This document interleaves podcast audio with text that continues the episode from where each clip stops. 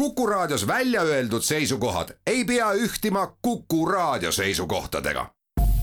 Te kuulate Kuku Raadiot.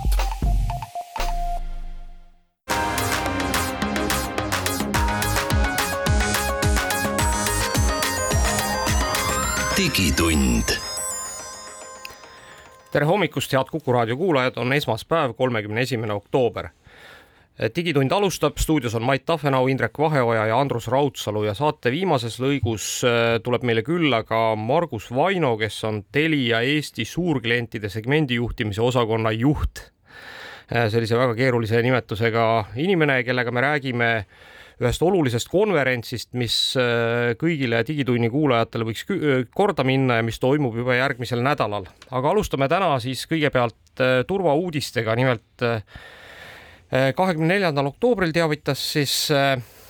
riigi infosüsteemide amet, et iPhone ja iPad tuleb kindlasti uuendada. Mait, on sul selle kohta mingi arvamus, oled sa oma iPadi ära uuendanud ja iPhone'i või? ja mina olen ära uuendanud ja ma arvan, et kõik inimesed peaks kõik need uuendused alati viimase, viimased uuendused alati telefonidele peale panema, et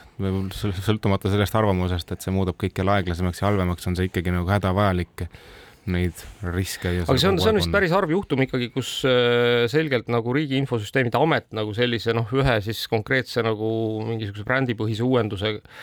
nii-öelda äh, noh, mõjuva soovituse välja ütleb, et. Äh, ma ei tea, kas see haruldane, nad ütlevad tegelikult päris sageli erinevate asjade kohta, et, et ja selles mõttes tasub nagu kindlasti nagu Riia blogi jälgida, et, et olulised uuendused, mis, mis muudavad nagu teie nagu äh, kasutatavaid tarkvarasid, noh, kõigile tuleb neid uuendusi aeg-ajalt, mis on niisuguse nagu olulise mõjuga ja, ja, ja neid soovitusi tuleb tegelikult, no kas nad nüüd iga nädal, aga on hooaegu, kus need avastatakse, et rohkem ja väljastatakse neid uuendusi ka rohkem, et, et hetkel lihtsalt on Apple, Apple on see, kes on viimase mm -hmm. uuenduse teinud ja sellest ka see soovitus tuli ja see võib olla seotud, ma ei tea, kas on seotud ühe SQL-ID andmebaasi mootori siis turvaauguga, mis avastati seal kakskümmend kaks aastat olnud äh, turvaauk et äh, oli võimalik siis äh,, ütleme SQLite on siis üks andmebaasi lihtsalt formaat, eks ju, mida väga laialt kasutatakse niisuguste lihtsate andmete hoidmiseks ja ja, ja, ja nii fataalne viga, ma ei tea, ma arvan, et see mõjutab palju rohkemaid seadmeid isegi kui Apple, et ma ei ole kindel, kas see on seotud, tõenäoliselt võib-olla olla ka, et ei olnud seotud, aga ja ma arvan, ma arvan, et mõnes mõttes, mõnes mõttes see turvaauk on noh, ütleme, et kui siin on räägitud see Log4j-st, eks on ju, ja sellest, et mida see kaasa tõi, siis, siis see turvaauk iseenesest äh, noh, ma arvan, et potentsiaalselt on vaata et isegi suurem äh, sest, sest tegu on jah, nii nagu Mait ütles, eks andmebaasiga, mida kasutatakse nii Androidis kui iOS-is kui Windowsis kui macOS-is, seda kasutavad Chrome'i brauser, Firefoxi brauser, Safari brauser. nii et sisuliselt noh, ütleme, et äh, praktiliselt kõik äh, tehnoloogilised seadmed noh, millega siis tänapäeva inimesed kuidagi toimetavad, äh, kas internetis või isegi mitte internetis, on, on tõenäoliselt sellest veast mõjutatud. Ja see viga siis parandati ära alles versioonis kolm kolmkümmend üheksa, mis tuli välja kahekümne esimesel juulil, nii et äh, noh, ütleme, et arvestades siis seda, et tõenäoliselt ka siis tootjatel läheb mõni aeg aega veel selleks, et oma tarkvara äh, nii-öelda paketid korda teha, siis, siis tõesti, et, et tasub,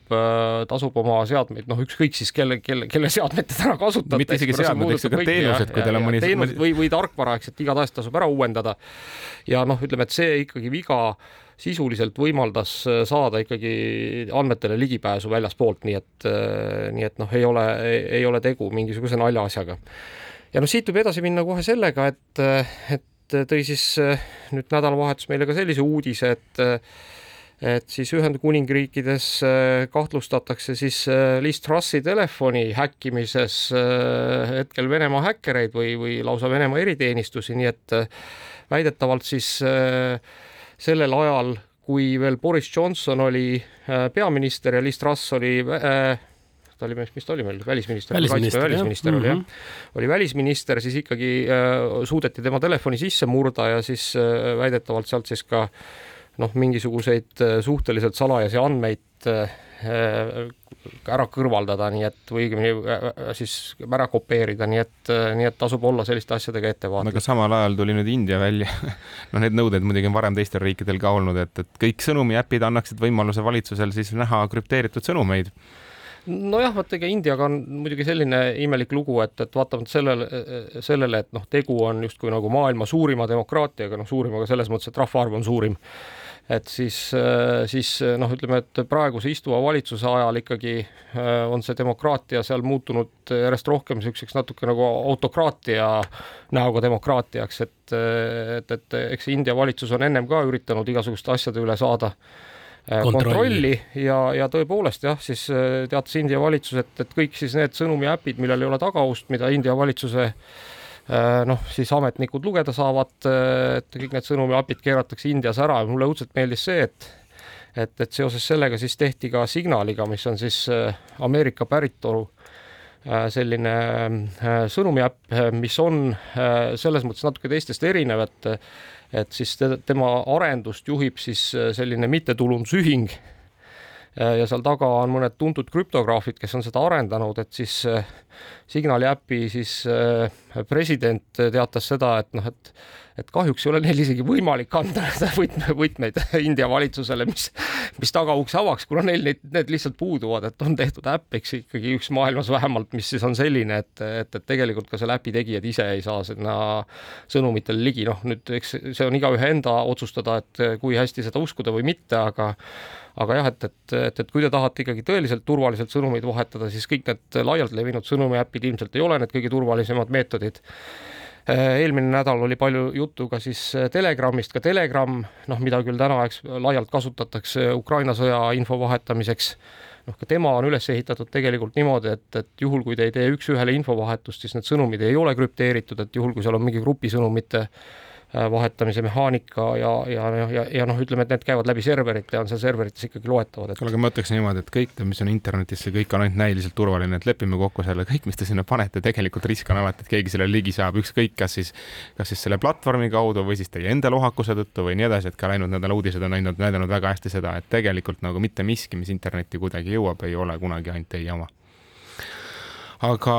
üks äh, põnev uuend, uus veel uudis teile, et Chrome, mis on üks levinumaid veebilehitsejaid tänasel päeval, lõpetab veebruaris Windows seitsme ja Windows kaheksa toe, et äh, kui teil on ka Windows seitse või Windows kaheksa kusagil, siis äh, siis arvestage, et järjest vähem on teile võimalik sinna tulla tarkvara uuendusi. Ja kui me alustasime saadet sellega, et alati uuendage viimasele versioonile, siis ühel hetkel see ei ole enam võimalik. Ja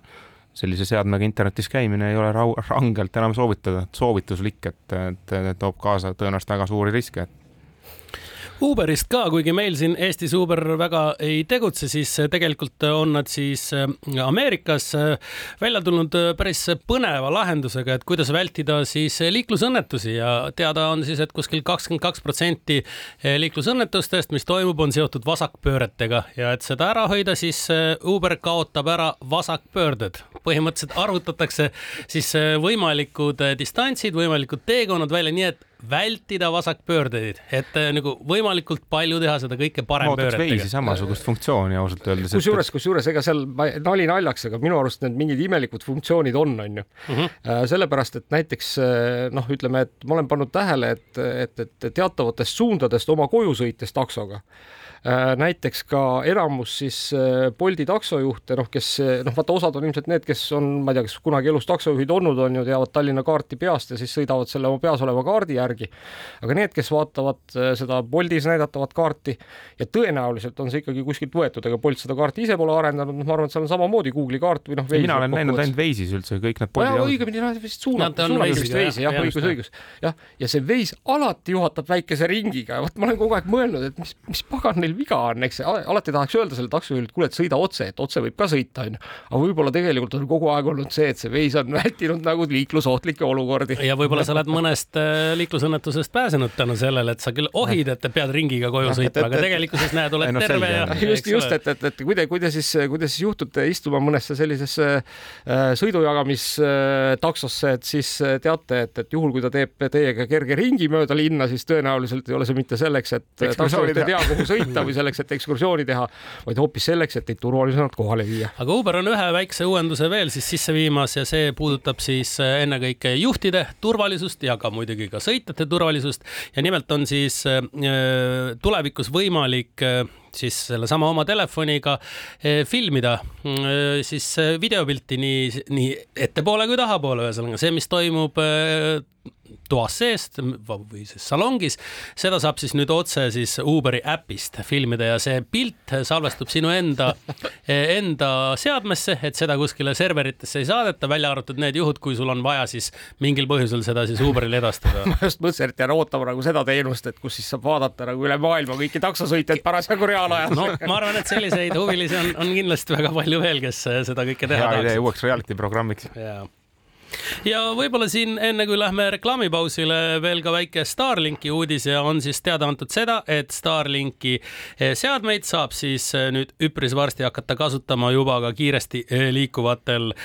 mootorsõidukitel. Ja seal ega siis muud ei olegi, kui tuleb natukene rohkem lihtsalt raha maksta selle eest. ootan põnevusega, millal Elroni rongis lõpuks oleks ka internet, sest ükski mobiilioperaator tahes-tahtmata peaks ütlema, et nendes alades, kus rong sõidab, kus asustust ei ole, internetti ka ei ole, eks ju, ja rongiga sõites aeg, kui sa just saaks justkui tööd teha, sa seda ei saa, et kui see Starlink sinna rongidesse tuleb. tead, ma kardan, ma kardan muidugi, et sellel Elronil läheb sellega kaua aega, et kui me nüüd mõtleme, et kui, kui keeruline oli ikkagi see seal Balti jaamas nende äh, roboti välja räägitud sõnumite vahetamine ja kui, kui keeruline jutt selle juurde käis, et kui keeruline see on, et siis, siis võib-olla see Starlink, aga mine tea, äkki nad üllatavad. sada kolmkümmend viis dollarit kuus. kutsume siis Elronit üles, et äkki paneb rongide katusele Starlinki antennid. aga noh, ega siin äh, oli nädalavahetusel oli, kui oli selles Sevastopolis äh, üht koma teist õhku lasti, siis seal ka spekuleeriti, et nendel äh, niinimetatud paatdroonidel oli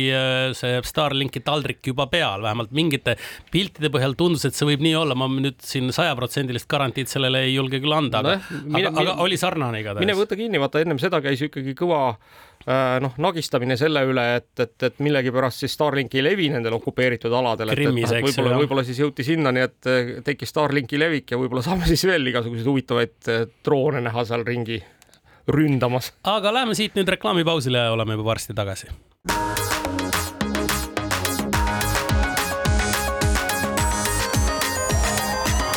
digitund digitund jätkab oma teise veerandiga, stuudios on Mait Tafenau, Indrek Vaheoja ja Andrus Raudsalu. Ja räägime siis äh, nüüd äh, eelmise nädala tõenäoliselt ikkagi Äh, kõige suuremast uudisest üleüldse, äh, mis noh, raske on öelda, et noh, kuivõrd uudis ta oli, et seda uudist on nämmutatud edasi ja tagasi siin no kuid ise, kuid. ise oleme siin ka umbes alates veebruarist oleme sellest äh, saanud rääkida, et nüüd kohe-kohe-kohe no,. tõenäoliselt, tõenäoliselt on see asi vist, millest kui noh, digitunni kõik minutid kokku arvutada, siis see on tõenäoliselt selles mõttes on küll selle aasta suurim uudis, et et lõpuks siis see lõputu küünlapäev, kus ostan, ei osta, ostan, ei osta, lõppes ära, et, et möödunud nädalal siis kanti anti nelikümmend neli miljardit dollarit äh, üle ja, ja, ja, ja reedel siis saabus ka soov Twitteri siis äh, New Yorgi börsilt eemaldamise kohta ja Elon Musk on siis äh, Twitteri omanik. No siiski on teada, et see sellega nagu ei lõpe, et esiteks alustame kõigilt võib-olla huvitavama nurga alt, et esiteks Twitteri eelmised omanikud on asutanud juba uue platvormi nimega Blue Sky, kuidas neil sellega läheb, jumal teab, eks ju aga, aga, aga kindlasti on oluline, et eelregistreerimine sinna juba platvormil on käimas ja see on kindlasti selle turundusvaibiga nagu hea tabamus. mitte eelmised omanikud, vaid ikkagi töötajad Asut,. asutajad või omanikud? ma, minu arust on ikkagi seal taga töötajad, et, et, et see no ega meil ei ole praegu ülevaadet selle kohta, kui palju nendel töötajatel Twitteri mhm. aktsiaid on või et midagi neil kindlasti, kindlasti on, on, et, et selles ja. mõttes on omanikud ikkagi õige. ja, ja aga noh, selles aga mõttes. lahti lastud omanikud. just, just, et, et, et, et selles mõttes jah, et, et ega siis Elon uh, uksest sisse marssides äh, tegi siis kohe ka Twitteri juhtkonnas kõva reha, et noh, äh, saadeti minema loomulikult juhatuse esimees Äh, sa-, saadeti minema ka finantsdirektor ja, ja noh, ja loomulikult siis said kinga kõik need, kes olid seotud siis kuidagi nagu siis äh, selle kohtusaagaga, mis Eloni vastu käis, sest nagu me mäletame, siis tegelikult ju Twitter andis Eloni kohtusse selle eest, et, et ta justkui lubas osta ja enam ei osta ja noh, Ameerika seaduste järgi ikkagi äh, aktsionäridel tekib õigustatud ootuseks raha saada ja, ja, ja noh, tõenäoliselt nii nagu ikkagi paljud hinnangud ka olid, oleks Elon selle kohtusaaga kaotanud, nii et ostma oleks ta Twitteri pidanud nii ehk naa ja ja noh, ütleme, et vähemalt juriidilistes ringkondades seda Twitteri nii-öelda juriidilist tiimi, kes sellega tegeles, hinnatakse päris kõrgelt ja noh, nemad siis saadeti lausa siis äh, turvameeste saatel uksest välja, kui Elon majja saabus. aga, aga, aga ma arvan, et see on jällegi võib-olla ka nagu jällegi turundusstrateegia, et kui juba ette teada oli, et me niikuinii kohtus kaotaks, tataramperaa, eks ju, aga samas on ju oluline, et sinu platvormist räägitakse, see toob jällegi sinna kasutajad, uudistajad ja nii edasi. ja ma vahepeal valideerisin, et eelmised juhid olid need siis, kes äh, uue platvormi just, avasid. aga, aga muide, mis puudutab vallandamisi, siis Elon Musk nüüd ütles, et tema varasem väljaütlemine, et ta seitsekümmend viis protsenti töötajatest laseb kohe lahti, kui ta tuleb, et nüüd ta siis pehmendas ja ütles, et see päris ikkagi niimoodi ei ole, et, et ta natukene võtab sellega aega maha, sest see tähendaks umbes viis tuhat kuussada töökohta, mis ära kaotatakse ja, ja kui ühest eh, tarkvarafirmast või noh, ütleme sellisest eh, suurest ettevõttest seitsekümmend viis protsenti inimesi lahti lastakse, siis üldjuhul eh, no ei jää seda töövõimet väga palju järgi. vot see on see koht, kus ma alati ütleks, et tarkvaraettevõttes või üldse niisuguses moodsas tehnoloogiaettevõttes, noh, ei ole ju nagu vara, ei ole muud kui tegelikult inimesed, inimesed, kes seda eks. kõik väärtust loovad seal sees ja kui neid inimesi sul mingil põhjusel ei ole, siis noh, kes seda siis teeb? ja jah, eks neid, eks neid sealt vaikselt on vist läks peale seda nii-öelda juhtkonna vallandamist ka teisi ära aga, aga ma sinna ainult viimase asjana veel selle vallandamise osas ma tahaks ikkagi mainida ühte toredat asja, mis mulle jäi kõrva, kuulates äh, nädalavahetusel Vergecasti, kus siis öeldi, et et Parag Agrawal, kes oli siis äh, Twitteri äh, juhatuse esimees, et tema on ikkagi ainus mees maailmas, kes on julgenud Elon Muskile vastu astuda ja võitnud, et tema, tema ainus tegu oli see, et ta ei toonud Twitterisse, noh, ei toonud mingit uut tarkvaralahendust, ei toonud mingeid uusi tuuli, küll aga suutis siis läbi viia selle, et sundis Eloni Twitterit ostma, nii et. aga no ma arvan, et ega see Twitteri saaga sellega ei lõpe, et siin on erinevaid nurkasid, mis kõik see nagu uuendused kaasa toovad, et, et ühest küljest on nagu räägitud, et neil on niisuguste tõsi, tõsiste kasutajate nagu probleem, eks ju, teisest küljest räägitakse sellest, et Twitter plaanib alustada siis tasulised, tasulise kuutasulise teenusega, kus siis tuvastatakse, et Indrek on ikkagi Indrek, aga selle eest, et sa saaksid seda tunnistust omada, pead maksma kakskümmend dollarit kuus mm. -hmm, aga see võiks Twitterile endale kahe tuhande kahekümne kaheksandaks aastaks üks koma kolm miljardit sisse tuua, nii et kui just Indrek ei otsusta, et kuule, see pole nii oluline. nojah, ei, ei koli sinna peale üle. aga, aga, aga noh, ütleme, et ega siin on jah, selles mõttes, et on olnud palju äh, Äh, noh, ka Musk'i poolseid selliseid väljaütlemisi, et mis ta siis äh, plaanib teha ja üks oluline asi, äh, nagu ma olen saanud aru, on siis ikkagi noh, nii-öelda eeskuju on tal WeChat Hiinas äpp, mida meie keegi siin näinud ei ole aga mis Hiinas on ikkagi, ütleme, selline superäpp, mida kõik inimesed kasutavad söögi alla, söögi peale, ostmiseks, maksmiseks, meelelahutuseks, videote vaatamiseks, omavahel suhtlemiseks. veebis no, brausimiseks. ma ei tea, milleks kõigeks asjad, veel, eks jah ja. et noh, sisuliselt noh, mõnes mõttes, kui me nüüd mõtleme, siis on nagu, nagu noh, nii-öelda ajaratas on tagasi pöördunud, et kunagi ammu-ammu interneti algusaegadel oli selline element nagu Ameerika Online, eks, mis oli siis justkui ka interneti sees olev internet või vaata, et internetist suurem olev internet, eks, et kus sa logisidki Ameerika Online'i ja saad, said seal kõike teha. Ja noh, ma saan aru, et, et nüüd siis me hakkame jõudma tagasi sinna superäppide ajastusse, kus kõik üritavad selleks saada ja siis Elon Musk samamoodi on öelnud, et, et noh, et see on üks siis võimalik Twitteri arengutee, et ta on nimetanud seda asja ka X-iks, nii nagu talle ikka meeldib mm -hmm. kõiki asju nimetada seal tähestiku viimaste tähtedega et, et, et siis eh, see on nagu jah, üks, üks selline võimalus, aga noh, muidugi arvestades tänast Twitterit ja seda, kui kaugel see on WeChatist, siis eh, seal tuleb päris kõvasti tööd teha. no ja WeChat on ainukene koht, kus eh, ta on edu saatnud, ongi Hiina, et ta on üritanud ka vist ise mingitesse riikidesse samamoodi asja üle võtta ja selle ühe äpi peale kõik üle minna, aga edu ei ole saatnud, ainult Hiinas nad on. ja noh, teine oluline asi on siis ikkagi see, et mis saab siis sellest sõnavabadusest ja, ja, ja noh, ütleme, et sellega kaasnevast ka vastutusest, et Elon Musk on ikkagi väga selgelt selgelt välja öelnud, et noh, et tema tahaks siis luua sellise Twitteri, kus äh, kõik on vabad kõnelema mida iganes, juhul kui see ei riku siis äh, seadusi, aga noh, naljakas on nüüd see, et, et noh, et, et et, et kuidas see seaduste rikkumise järelevalvet hakatakse teostama, et Twitter on ju ligipääsetav kõikides riikides üle maailma, riikide seadused on väga erinevad. ja see, mis on lubatud, on väga erinev, et, et kas siis juhtub nii, et noh, et kui ma ütlen näiteks midagi, mida noh, ma ei tea, näiteks äh, Hiinas või, või, või, või Venemaal või Indias öelda ei ole lubatud, et kas siis minu tweet'i nagu Hiinas olev inimene ei näe Mm -hmm. või noh, või, või, või, või noh, juhul ütleme, et aga juhul, kui ma ütlen seda, noh, ma saan aru, et juhul, kui ma ütlen seda Hiinas, siis tõenäoliselt ei lähe minu tweet üldse eetrisse, eks, aga juhul, kui ma ütlen seda Eestis on ju, et mis siis juhtub? tead, siin on nii palju segast, aga ma tooks üks natuke teise asja, et kui me oleme jube palju rääkinud, et ei tea, mida Eloni otsus äh, Twitterile kõike kaasa toob, siis ka Apple'i maailmas on umbes sarnased äh, mured toimumas, et et ma ei oska nüüd öelda, kas see on nagu varem valesti tõlgendatud või vastupidi, Apple on, hakkab järjest ahnemaks minema, aga, aga räägitakse, et äh, Apple kavatseb hakata sotsiaalmeedia reklaami maksustama, ehk siis kui muidu nad võtsid tulu sellest, et ma ostsin sinu rakenduse äh, rakenduste poest ja võttis sellest kolmkümmend või ostsid ka sinu või ostsin sinu rakenduse sees midagi onju. just, aga nüüd on teema selles, et kui ma vaatan Apple'i telefoni kaudu Facebookis reklaame, siis Apple tahab ka selle pealt raha saada ja minul on nüüd natukene segadus, et, et et kas see siis tähendab seda, et, et Facebook peab hakkama lihtsalt nagu nähtavast reklaamist tulu jagama või ikkagi, kui mina ostan telefoni vahendusel Facebooki sees olevat reklaami, et kas siis Apple tahab, et noh, et ühest küljest oli see juba varem, teisest küljest räägitakse, et Apple läheb järjest ahnemaks, et kus see tõde on, ma arvan, et aeg siin näitab, aga. ja see on, see on selles mõttes on muuseas päris naljakas, et, et, et kui sa sellest räägid, eks, et seesama nagu Apple'i maksustamise süsteem, noh, tundub ka ausalt öeldes natuke nagu võib-olla ebaõiglane või noh, võib-olla, võib-olla siis noh, oleks ka õiglane, kui Apple vaataks üle oma tasud, eks, et ta ju ikkagi täna suhteliselt tuimalt küsib kõigi käest kolmkümmend protsenti käibest, eks on ju, mis on ikkagi teatavatel juhtudel nagu üle igasuguse mõistliku piiri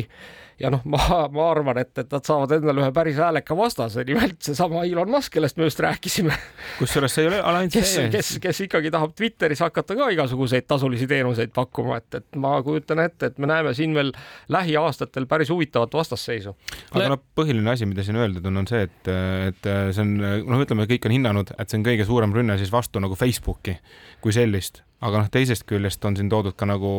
teemat, et, et ega see rakenduste pood tervikuna see kolmkümmend protsenti ainult osa, et tegelikult ka see, et sa reklaamid seda rakendust seal rakenduste poes ja nii edasi, et tegelikult lõpuks su kulud võivad olla ka veel suuremad. selles ainult, mis Apple'ile läheb, et tegelikult Apple on üsna nagu mitme nurga pealt eh, pakub sulle kogu seda potti. ja kusjuures ega noh, ütleme, et kui me nüüd vaatame, siis Apple'i see noh kuidas me nüüd ütleme siis rahaahnus, eks paistab välja ka selles, et, et noh, kui ta siiamaani on hoidnud ikkagi oma süsteemi suhteliselt reklaamivabana või noh, ütleme puhtana ja öelnud, et, et nemad hoolitsevad nagu põhiliselt ikkagi selle kasutajakogemuse eest, siis nüüd ikkagi on nad teatanud seda, et App Store'is hakatakse ka reklaami näitama. jah ja noh, tegelikult siin on veel uudiseid, et Apple tõstab hindu ka nagu subscription teenustel ja noh, nagu kõik teisedki loomulikult ja, ja samal ajal ka nagu muidugi teistpidi, et, et üks on hinnatõus, aga teine on pool, kus siis nad äh, võib-olla nagu hakanud oma turupositsiooni natukene nagu, ma ei tahaks öelda nagu väärkasutama, aga see ei ole vist päris õige sõna, aga mõnes mõttes on, et, et, et Apple sundis Spotify'd ka muutma audioraamatute müügilahendust, et noh, mis on minu arust nagu noh, eriti nagu halb, et sa oled nagu ühest küljest oled loonud vahelaheda turu, kõik tahavad seal olla, kõik on äge, aga teisest küljest oled sa hakanud oma nagu noh, ma ei tea, kas see on nüüd päris õige nagu võrdlus, aga noh, oma last nagu kuidagi. veega alla laskma uuesti. nojah, vaata, seal on see, et, et noh, siin on väga selge, eks Apple ise müüb audioraamatuid, onju noh, Apple, ma ei tea, et, et kui sa ostad näiteks äh, noh, mõnest teisest audioraamatute keskkonnast, mis ju ka Apple'is on olemas, eks, äh, et, et, et noh, kas nad siis saavad selle Apple Taxi kätte ja Spotify'st nad ei saanud seda niimoodi kätte. igatahes tõsi on see, et, et kuidas Apple seda ikkagi siis piirata saab, on väga lihtne, eks, et et sa tuled oma äpi uue versiooniga nii-öelda noh, ja iga kord, kui sa tahad selle üles panna Apple'i App Store'i, siis Apple peab selle ära kinnitama, ta lihtsalt ei kinnita seda ära, ütleb, et ei kinnita ja kõik, see ei sobi meile. minu arust vaata vastuolu on seal ka väga tugeva demokraatiaga, et noh, lepime kokku, Apple'i alustala ja edu edulugu üldse algas sellest, et arendajad võtsid platvormi omaks, tõid sinna need rakendused justkui nagu demokraatlikus riigis, et meil on eraettevõtted ja riigi tulu on ikkagi ettevõtluse tulu ja on riigi asi on toetada, siis hetkel Apple on hakanud ütlema, et muidu on kõik nii, aga vahel ei ole ka. et see, vot see on see koht, kus nad lasevad endale jalga. aga lähme siitkohalt reklaamipausile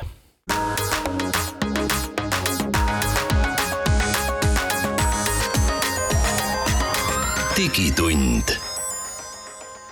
digitunni teine poolaeg hakkab nüüd, stuudios on Mait Tafenau, Indrek Vaheoja ja Andrus Raudsalu. ja kui, kui me rääkisime eelmises veerandis äh, Apple'i ahnusest, siis äh, noh, nii kui on üks probleem, siis sellele on alati ka lahendus olemas äh, tuleb tänada Euroopa Liitu. me oleme tegelikult sellest põgusalt ka varem rääkinud, aga homme siis jõustub Äh, Euroopa Liidu äh, Digital Markets Act ehk digitaalse turu, ma ei tea siis seadus, äh, mis tegelikult hakkab siis kõiki neid nii-öelda suuri teenusepakkujaid nagu Amazon, Google, Meta ja miks mitte ka Apple pitsitama ja ikkagi jälgima seda, et nad turul käituksid viisakalt. Ja noh, ütleme, et näitusena, näitena on toodud ka just seda, et et juhul, kui inimesed iPhone'i kasutades täna peavad äh, äpid alla laadima Apple'i App Store'ist, siis, äh, siis tegelikult äh, peaks olema võimalus tekitada sinna kõrvale ka alternatiivseid App Store'e noh, ütleme, et Androidi maailmas see tegelikult toimib, kuigi noh, ütleme need teised App Store'id on ikkagi Google Playst oluliselt väiksemad ja, ja noh, ütleme, et ei ole vist väga ükski ka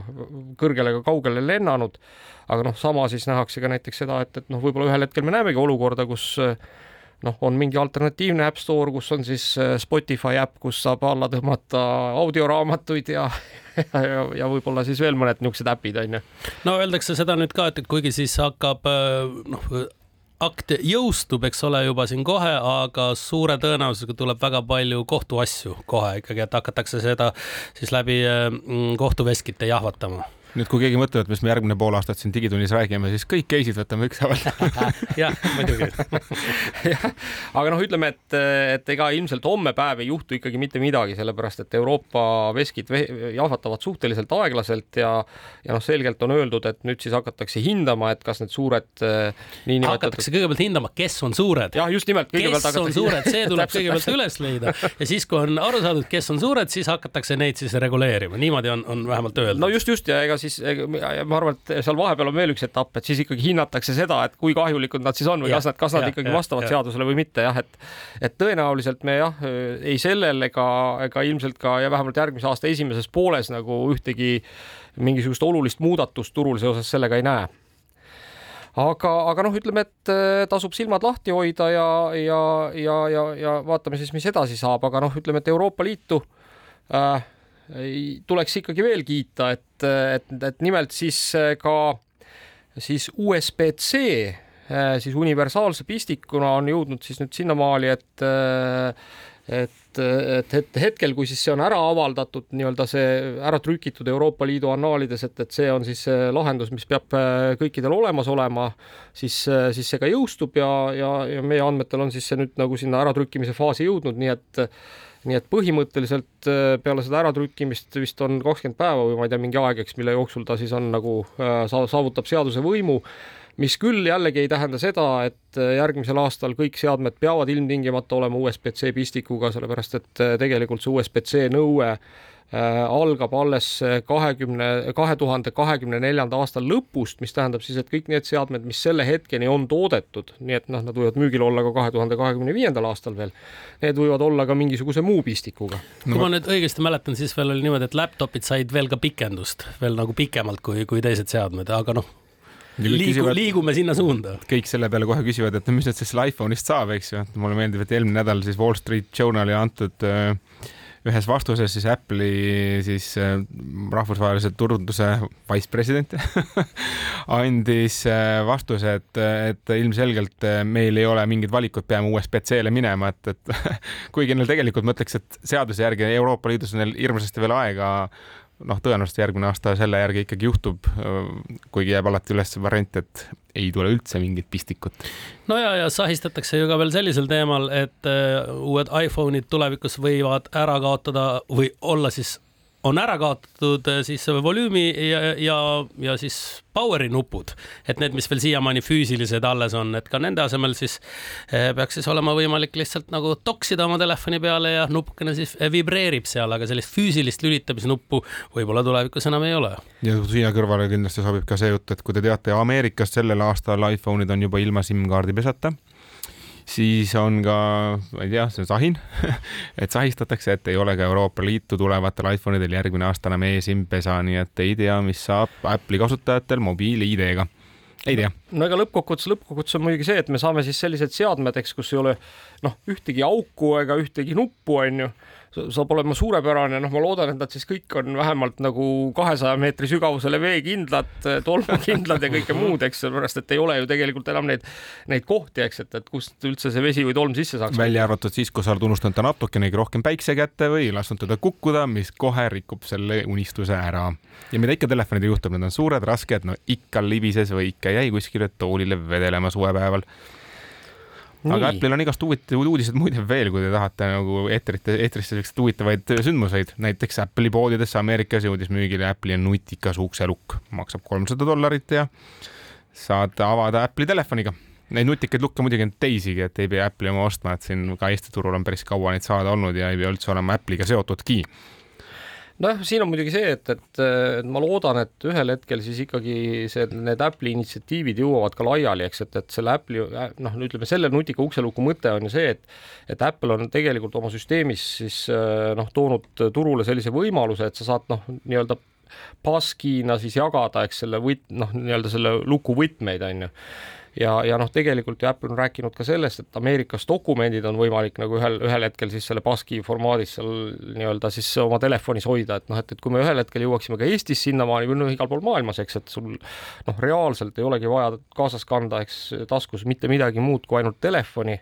ei ühtegi plastikutükki ega, ega ühtegi noh, ma ei tea, mingisugust metallist jurakat, eks, et, et see oleks muidugi suurepärane uudis. aga noh, siin on alati see, et see peab olema toetatud kõikidel erinevatel platvormidel, et me ei tohi jääda ühegi ökosüsteemi lukku, et, et kui keegi küsib, et miks mul Apple'i kera kõrval on ka mõni teine nutikell, siis samal põhjusel, et mulle ei meeldi, et mul on ainult ühe platvormiga seonduv asi, et ma tahaks, et ma oleks oma valikutes vaba, et kui ma tahan teist telefoni, siis ma saan selle ja võin ikka ühendada. no tulevikus ikkagi telefoni ära kaotada ei tohi, see saab olema ikkagi täielik äh, tragöödia sa ei saa mitte midagi, mitte midagi. isegi uut telefoni aktiveerida. jah, just nimelt kuulge, aga, aga võib-olla natuke kõrvalepõikena ka mõned äh, sellised äh, noh, ütleme, et siis äh, meelelahutusvaldkonna uudised, et et kõigepealt Tiktokis, Tiktokilt on oodata mängude valdkonnas ühte suuremat sorti uudist, nimelt siis sellel nädalal tõenäoliselt kuulutatakse välja siis see, et, et ka Tiktoki äh, keskkonda tuleb rohkesti mänge või TikToki äpi kaudu on siis neid võimalik mängida. ootame ära, kindlasti järgmine nädal räägime sellest lähemalt, aga, aga noh, ütleme, et et jälle üks suur siis platvorm, kes tegelikult äh, üritab sisse murda mängude turule vastupidi ka, kui me räägime Youtube'ist näiteks, siis nad on loonud erinevaid kohti nagu, kus oma sisu hakata kategoriseerima, et, et kui kui meil on täna võib-olla nii palju erinevat videosisu tekkinud, et noh, et on need live feed'id ja mingid pikemad videod ja väiksemad videod ja nii edasi, et, et noh, see tegelikult on niisugune segane, et ma tegelikult enam ei teagi, mis sisu ma kuidagi saan siis tundub, et Youtube on võtnud südameasjaks ja kuidagi ära sorteerida. no mis on, mis on ka loogiline tegelikult, et vaata, tihti on Youtube'is see, et sa tahad vaadata näiteks mingit üritust, on ju, ja siis sa isegi ei saa aru, et kas sa vaatad selle ürituse noh, mingit salvestust, on ju, live-videot või mis asi siis on ja tõepoolest jah, Youtube'i tekivad siis nii shorts'i kui siis ütleme tavaliste videote kui siis ka laivülekannete jaoks eraldi noh, nii-öelda lahtrid. aga Youtube on veel öelnud ka seda, et nad hakkavad ka muuseas meditsiinilist sisu eraldi sertifitseerima ja välja tooma just äh, puhtalt selle pealt, et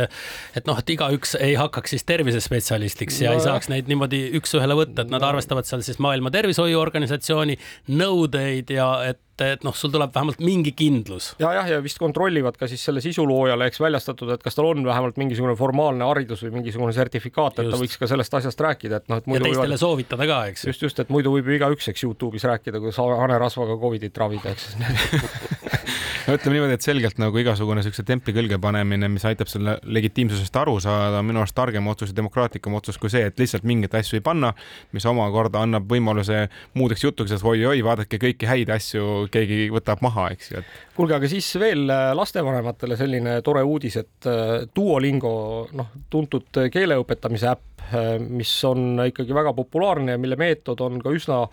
noh, kuidas ma nüüd ütlen, ikkagi toimiv, et olen, olen, olen, olen seda iseenda peale aeg-ajalt katsetanud, ma küll ei ole väga järjekindel selle kasutaja, aga aga, aga noh, tegelikult see metoodika toimib, on siis toonud nüüd lisaks keele õppimisele ka matemaatika õppimise äppi turule, et on siis olemas Duolingo Math ja noh, ma arvan, et see, eks see matemaatika vist tänapäeva maailmas ikkagi lastevanematele teeb kõvasti muret. no Mait tõmbas selle siin käest. kiiresti alla ka, et ma ei tea, kas sa jõudsid juba mingi esimese kursusega läbi võtta või veel ei jõudnud? jäi pooleli, esimesed lihtsalt liiga raske oli ei, eeter lihtsalt tuli peale, aga mm., aga ei saaks öelda, et äh, kellelgi seda vaja ei ole, et ma arvan, matemaatika on igavesti hea niisugune aju treenimise vahend ja, ja niisugune Duolingo poolne nagu lähenemine sellele kindlasti on tervitatav, et, et kasutan mõnda aega ja võin hiljem kommenteerida, kuidas siis on. aga läheme siit nüüd äh, reklaami reklaamipausile.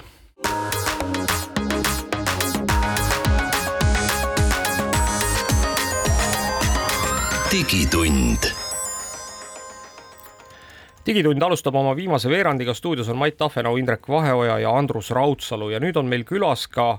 Telia Eesti suurklientide segmendi juhtimise osakonna juht Margus Vaino.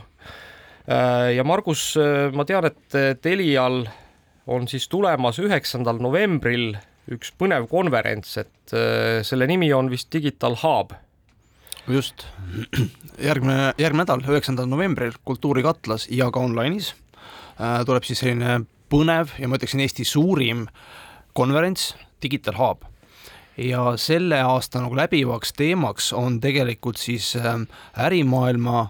teaduse ja riigi koostöö. Et me oleme teinud kaks aastat seda üritust niimoodi, et tegime koos MKM-iga ja siis oli eelkõige just riigi ja erasektori selline koostöö nagu fookuses nüüd sellel aastal mõtlesime, et meil on siin julgeolekukriis, meil on siin äh, nii-öelda energiakriis, meil on siin, oleme just nagu saanud üle sellest tervisekriisist äh,, oleme sisenemas majanduslangusesse, et noh, nüüd, et nagu, nagu noh, seda olukorda vaadates, et noh, kriisi ei saa raisku lasta minna, toome ka sisse selle teadusmaailma ja, ja, ja räägime nendest teemadest, mis on olulised. digitaliseerimine, küberturvalisus äh,, tehnoloogia ja, ja me äh, katame väga noh, nii-öelda laia skaala ära, aga ma arvan, igalühel on midagi. ja kuna sinna koha peale tuleb umbes tuhat inimest äh, pluss online, siis ma arvan, noh, et see on ka üks selline üks suuremaid üritusi, kus noh, network ida, suhelda inimestega, rääkida ja noh, kuna meil on viis track'i paralleelselt, noh siis sisuliselt on see viis konverentsi samal ajal, eks ole. nii et, et noh, see programm on üles ehitatud päris, päris nii-öelda sellised nagu ähm, kitsal tasemel ja, ja, ja, ja toob hästi, toob hästi nagu välja kõik need äh, olulised teemad, et mm. -hmm. ja ma ise ka vaatasin sellele programmile peale ja noh, äh, selgelt äh, noh, ütleme tihti vaata on see hirm, eks, et, et kui üks ettevõte korraldab sellise suure konverentsi, et siis tegelikult see konverents on ikkagi üks ettevõtte toodete tutvustamine on ju konverentsi nime all, et et ma näen, et siin ikkagi äh, tegelikult on väga väärikas äh, nii-öelda osalejate palett, eks äh, igalt poolt maailmast, äh, sugugi mitte ainult Eestist ja, ja, ja, ja noh, ütleme, et, et need teemad ikkagi, mis läbi võetakse, on väga tõsised, ütle, kas, kas hetkel selle konverentsi pileteid on veel võimalik kuskilt ka osta? mingi väike kogus pileteid on veel olemas, et kui minna telia.ee kaldkriips digitaalhubi lehele, siis sealt saab osta veel, aga neid on nii vähe järgi ja ma ütlen, et, et kes täna võib-olla ruttab, siis see saab pileti. aga sealt edasi on online, et online'is ei ole piirangut ja online piletid on ka väga populaarsed, et, et väga palju inimesi vaatab meid online'is. Äh, ja selleks online'i pileti saamiseks tuleb minna sinnasamasse, eks, et ja, lihtsalt ja, ära, okei. Okay.. lihtsalt valida, et, et kas koha peale või siis äh, nii-öelda äh, online'i, aga noh, kultuurikatle, kultuurikatel on hea koht, kus olla, aga seal on ka mingid piirangud ja noh, kui tuleb meil, ma ütlen, et äh, meil on EXPO ala seal üle kahekümne partneriga esindatud, äh, meie ise pluss äh, noh, nii-öelda esinejad pluss ütleme suurusjärk tuhatkond inimest, et noh, et, et see lihtsalt ei mahu ära, et see tekib selline ebamugavus ja väga suur õlatunne. Ütle, kui palju, noh, sa rääkisid, et, et seekord me või te siis keskendute sellele, et et, et kuidas teha koostööd ka teadusasutustega, noh, sellest on hästi palju Eestis räägitud, eks, et, et, et võiks olla kuidagi see nii-öelda teadmussiire, noh, ma mäletan, et, et siin Postimehel oli eelmisel aastal üks konverents, kus äh, Taavi Madipärk, eks, väitis, et, et noh, et võrreldes ikkagi arenenud Euroopa riikidega on Eestis teadlaste kaasamine noh, ka ettevõtetes ikkagi oluliselt, oluliselt väiksem, et, et noh, et, et ütleme, et kasvõi noh, ta, ta tõi ka siis äh, näiteks oma ettevõttest, eks, et kus siis äh, neil on teadlaste osakaal töötajate hulgas ikkagi noh, märgatavalt suurem kui Eestis keskmiselt ja noh, ütleme, et, et niisugustes noh, tõsist äh, innovatsiooni tegevates ettevõtetes noh, ütleme, et kui on nagu mingisugune viisteist, kakskümmend protsenti teadlasi, ei ole mingisugune ime, et et kuidas, kuidas nüüd Telia näeb seda, et, et, et kas teil on ka mingisugused hoovad selle, selle probleemi lahendamiseks, kas te saate kuidagi äh, inimestele nii-öelda vahendada neid teadlasi? noh, ma arvan, et me alustame sellest, et me pakume sellist nagu platvormi või kohta, kus selle teema üle rääkida. ehk et tegelikult selle päeva alguses meil ongi üks selline paneeldiskussioon, kus siis tegelikult äh, Äh, nii-öelda riigi poolt siis meie ettevõtlus- ja tehnoloogiaminister, äh, siis Jaak Vilo, äh, Tartu Ülikooli professor,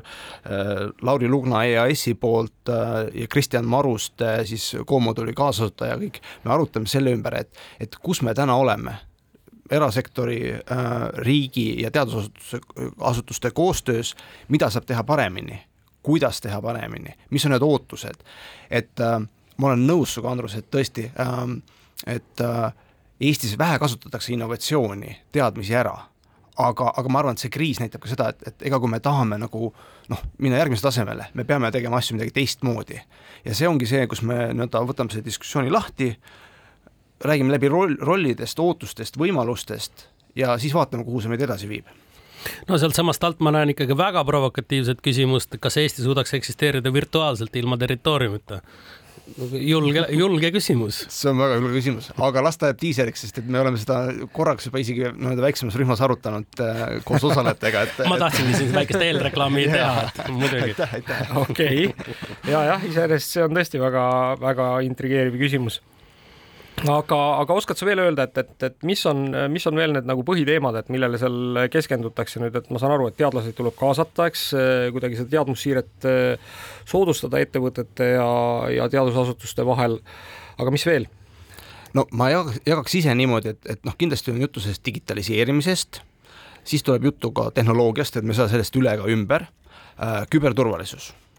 see on nagu üks eraldi nii-öelda plokk ja siis tegelikult päeva lõpus on meil teine selline paneeldiskussioon, kus me räägime inimestest hästi palju. ja, ja kuidas, et just, et mis see tööjõuturg teeb, kuidas on Covid mõjutanud meie sellist nagu tööl käimist, meie neid äh, tööharjumusi, tasakaalu töö ja eraelu vahel ja nii edasi. ja seal on ka minu arust väga, väga selline põnev seltskond koos ja inimesed, kes on oma ala professionaalid nii-öelda tõesti, kes oskavad nagu rääkida. ja no kindlasti on siin terve rida nii-öelda selles ähm, päevakavas väga põnevad siis ettekanded. Ai-st, andmetest äh,, äh digitaliseerimisest üldiselt, eks ole äh,, ka partnerite poole pealt, kes ikka tulevad, toovad meile nagu seda nii-öelda teist vaadet, et äh, et noh, me ise võime Eestis arvata mis iganes, aga kui meil ikkagi on mõned noh, väga tugevad vendorid, kes ütlevad, et kuulge, et meie näeme asja hoopis nagu globaalsemalt, suuremalt, et noh, tasub neid kuulata kus ma kasutan nüüd juhust ja öelda niisuguse nagu vaherepliigi siia vahele, et, et kui mõnel kuulajal on tekkinud tunne, et me nüüd oleme otsustanud promoda mingit üritust, et noh, tahaks kohe ette öelda, et esiteks välja müüdud üritus, eks ju, juba täna. aga põhjus, miks me natuke räägime sellest, on minu arust see, et et vaadake nagu ettevõte nagu tänapäeval ilma IT-ta nagu ei, ei sisuliselt ei saa eksisteerida, meil kõigil see peab olemas olema. ja minu arust on selles mõttes hästi lahe, et, et meil kodumaal on hakanud järjest rohkem niisuguseid sündmusi toimuma ja Telia on võtnud ka nagu suure nagu mitte turundus isegi, ma ütleks, kui ma seda programmi vaatan, see ei ole kuidagi turundusüritus, vaid vastupidi, tehnoloogiakonverents, eks ju, mida lihtsalt Telia on võtnud südameasjaks korraldada. ja ütleks, et lihtsalt hea võimalus ka ettevõtte juhil olla nagu kursis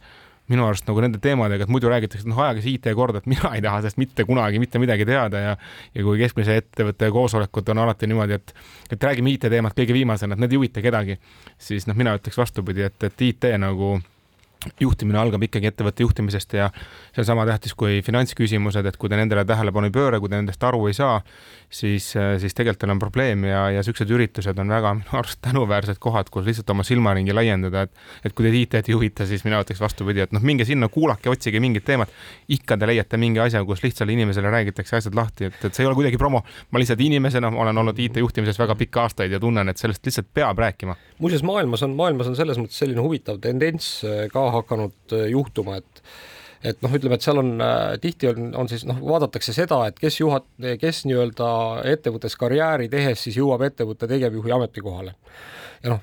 väga vara, noh, mitte väga vanasti, eks ütleme, et noh, mingi aastat, paarkümmend tagasi oli siis see, et, et sinna enamasti jõudis siis see COO ehk Chief Operating Officer ehk see, kes noh, kõikide asjade eest siis hoolt kandis, et kõik protsessid toimiksid ettevõttes ja nii edasi. siis mingi hetkeks, kui ikkagi toimus see startup'ide buum ja noh, ikkagi oli raha kaasamine väga oluline ettevõtetel ja kiire laienemine ja nii edasi, et siis hakkasid saama nii-öelda finantsjuhid hakkasid saama ettevõtete tegevjuhtideks. ja kõrvale viimaste... tulid turundusjuhid, eks ju, kes sõltus, vaata, mis see suund oli, eks ju. no ütleme, et enamasti ikkagi noh, noh üsna, üsna nagu tegelikult see oli vanasti oli ikkagi üsna selge, kui sa olid CEO, siis järgmisena olid CEO on ju. või noh, siis oli see, et olid CFO ehk finantsjuht, siis olid nagu ettevõtte tegevjuht. ja nüüd on hakanud tege- te,, tegelikult ma olen näinud nagu mitmeid juhtumeid, kus ikkagi on nagu väga prominentsetes ettevõtetes ka juhtunud see, et, et nii-öelda ettevõtte IT-juht ehk see chief technology officer saab nagu ettevõtte juhiks siia ja... kõrvale sobib üks vana nali, et vanasti öeldi CIO kohta, et, et career is over, et karjäär on läbi jah, et, et, et, et jah, et, et, et selles mõttes see on tõsi, et ja, ja noh, Mait nüüd, kui sa ütlesid, et, et, et ettevõtetes noh, need IT-teemad on viimased, siis ma selle, seda väga hästi ei taha uskuda, et ise, ise sa oled ka tegelikult, sööd seda leiba, onju. et, et, et ma ei arva, et sa oled viimane, kes seal laua taga räägib oma ettevõttes. ja noh, teades tegelikult ikkagi enamusi ettevõtteid, siis, siis täna ikkagi kõik mõtlevad selle peale, et kuidas oma noh, olemasolevaid tooteid või teenuseid siis võimalikult optimeerida, eks,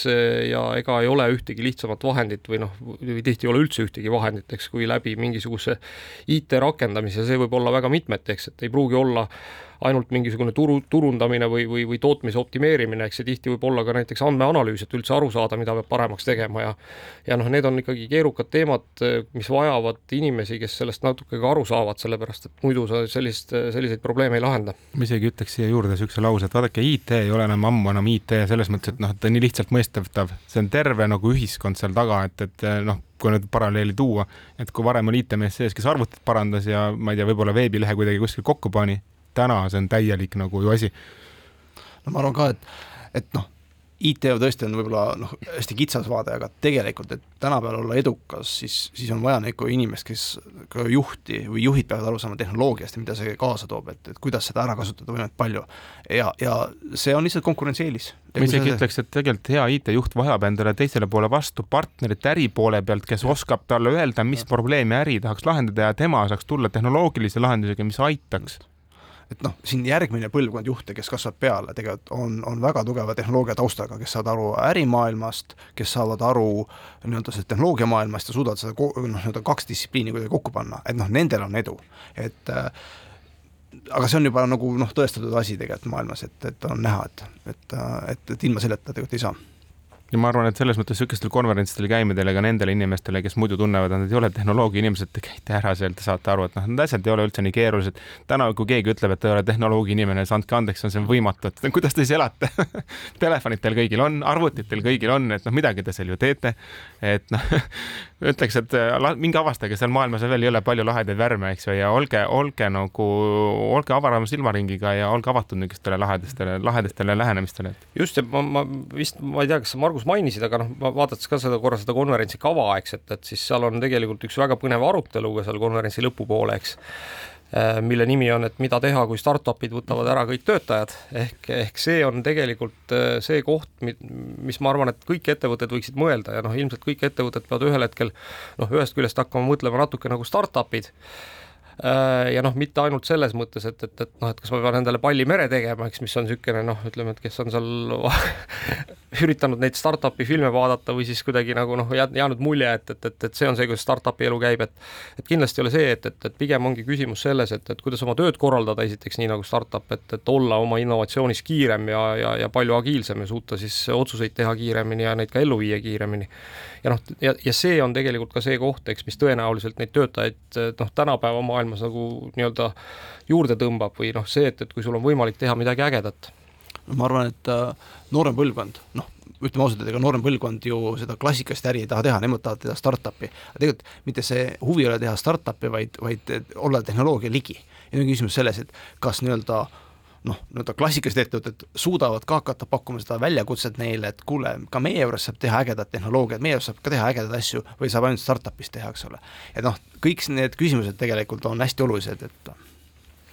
nojah, ja siit siis äh, loodame, et, et, et tõepoolest varsti me oleme, elame sellises e-Eestis, kus äh, kõikides ettevõtetes saab ägedalt seda tehnoloogilist innovatsiooni teha.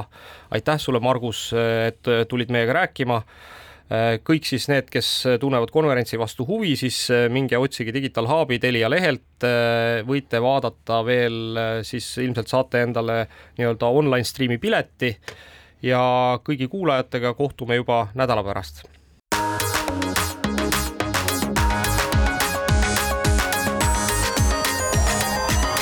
digitund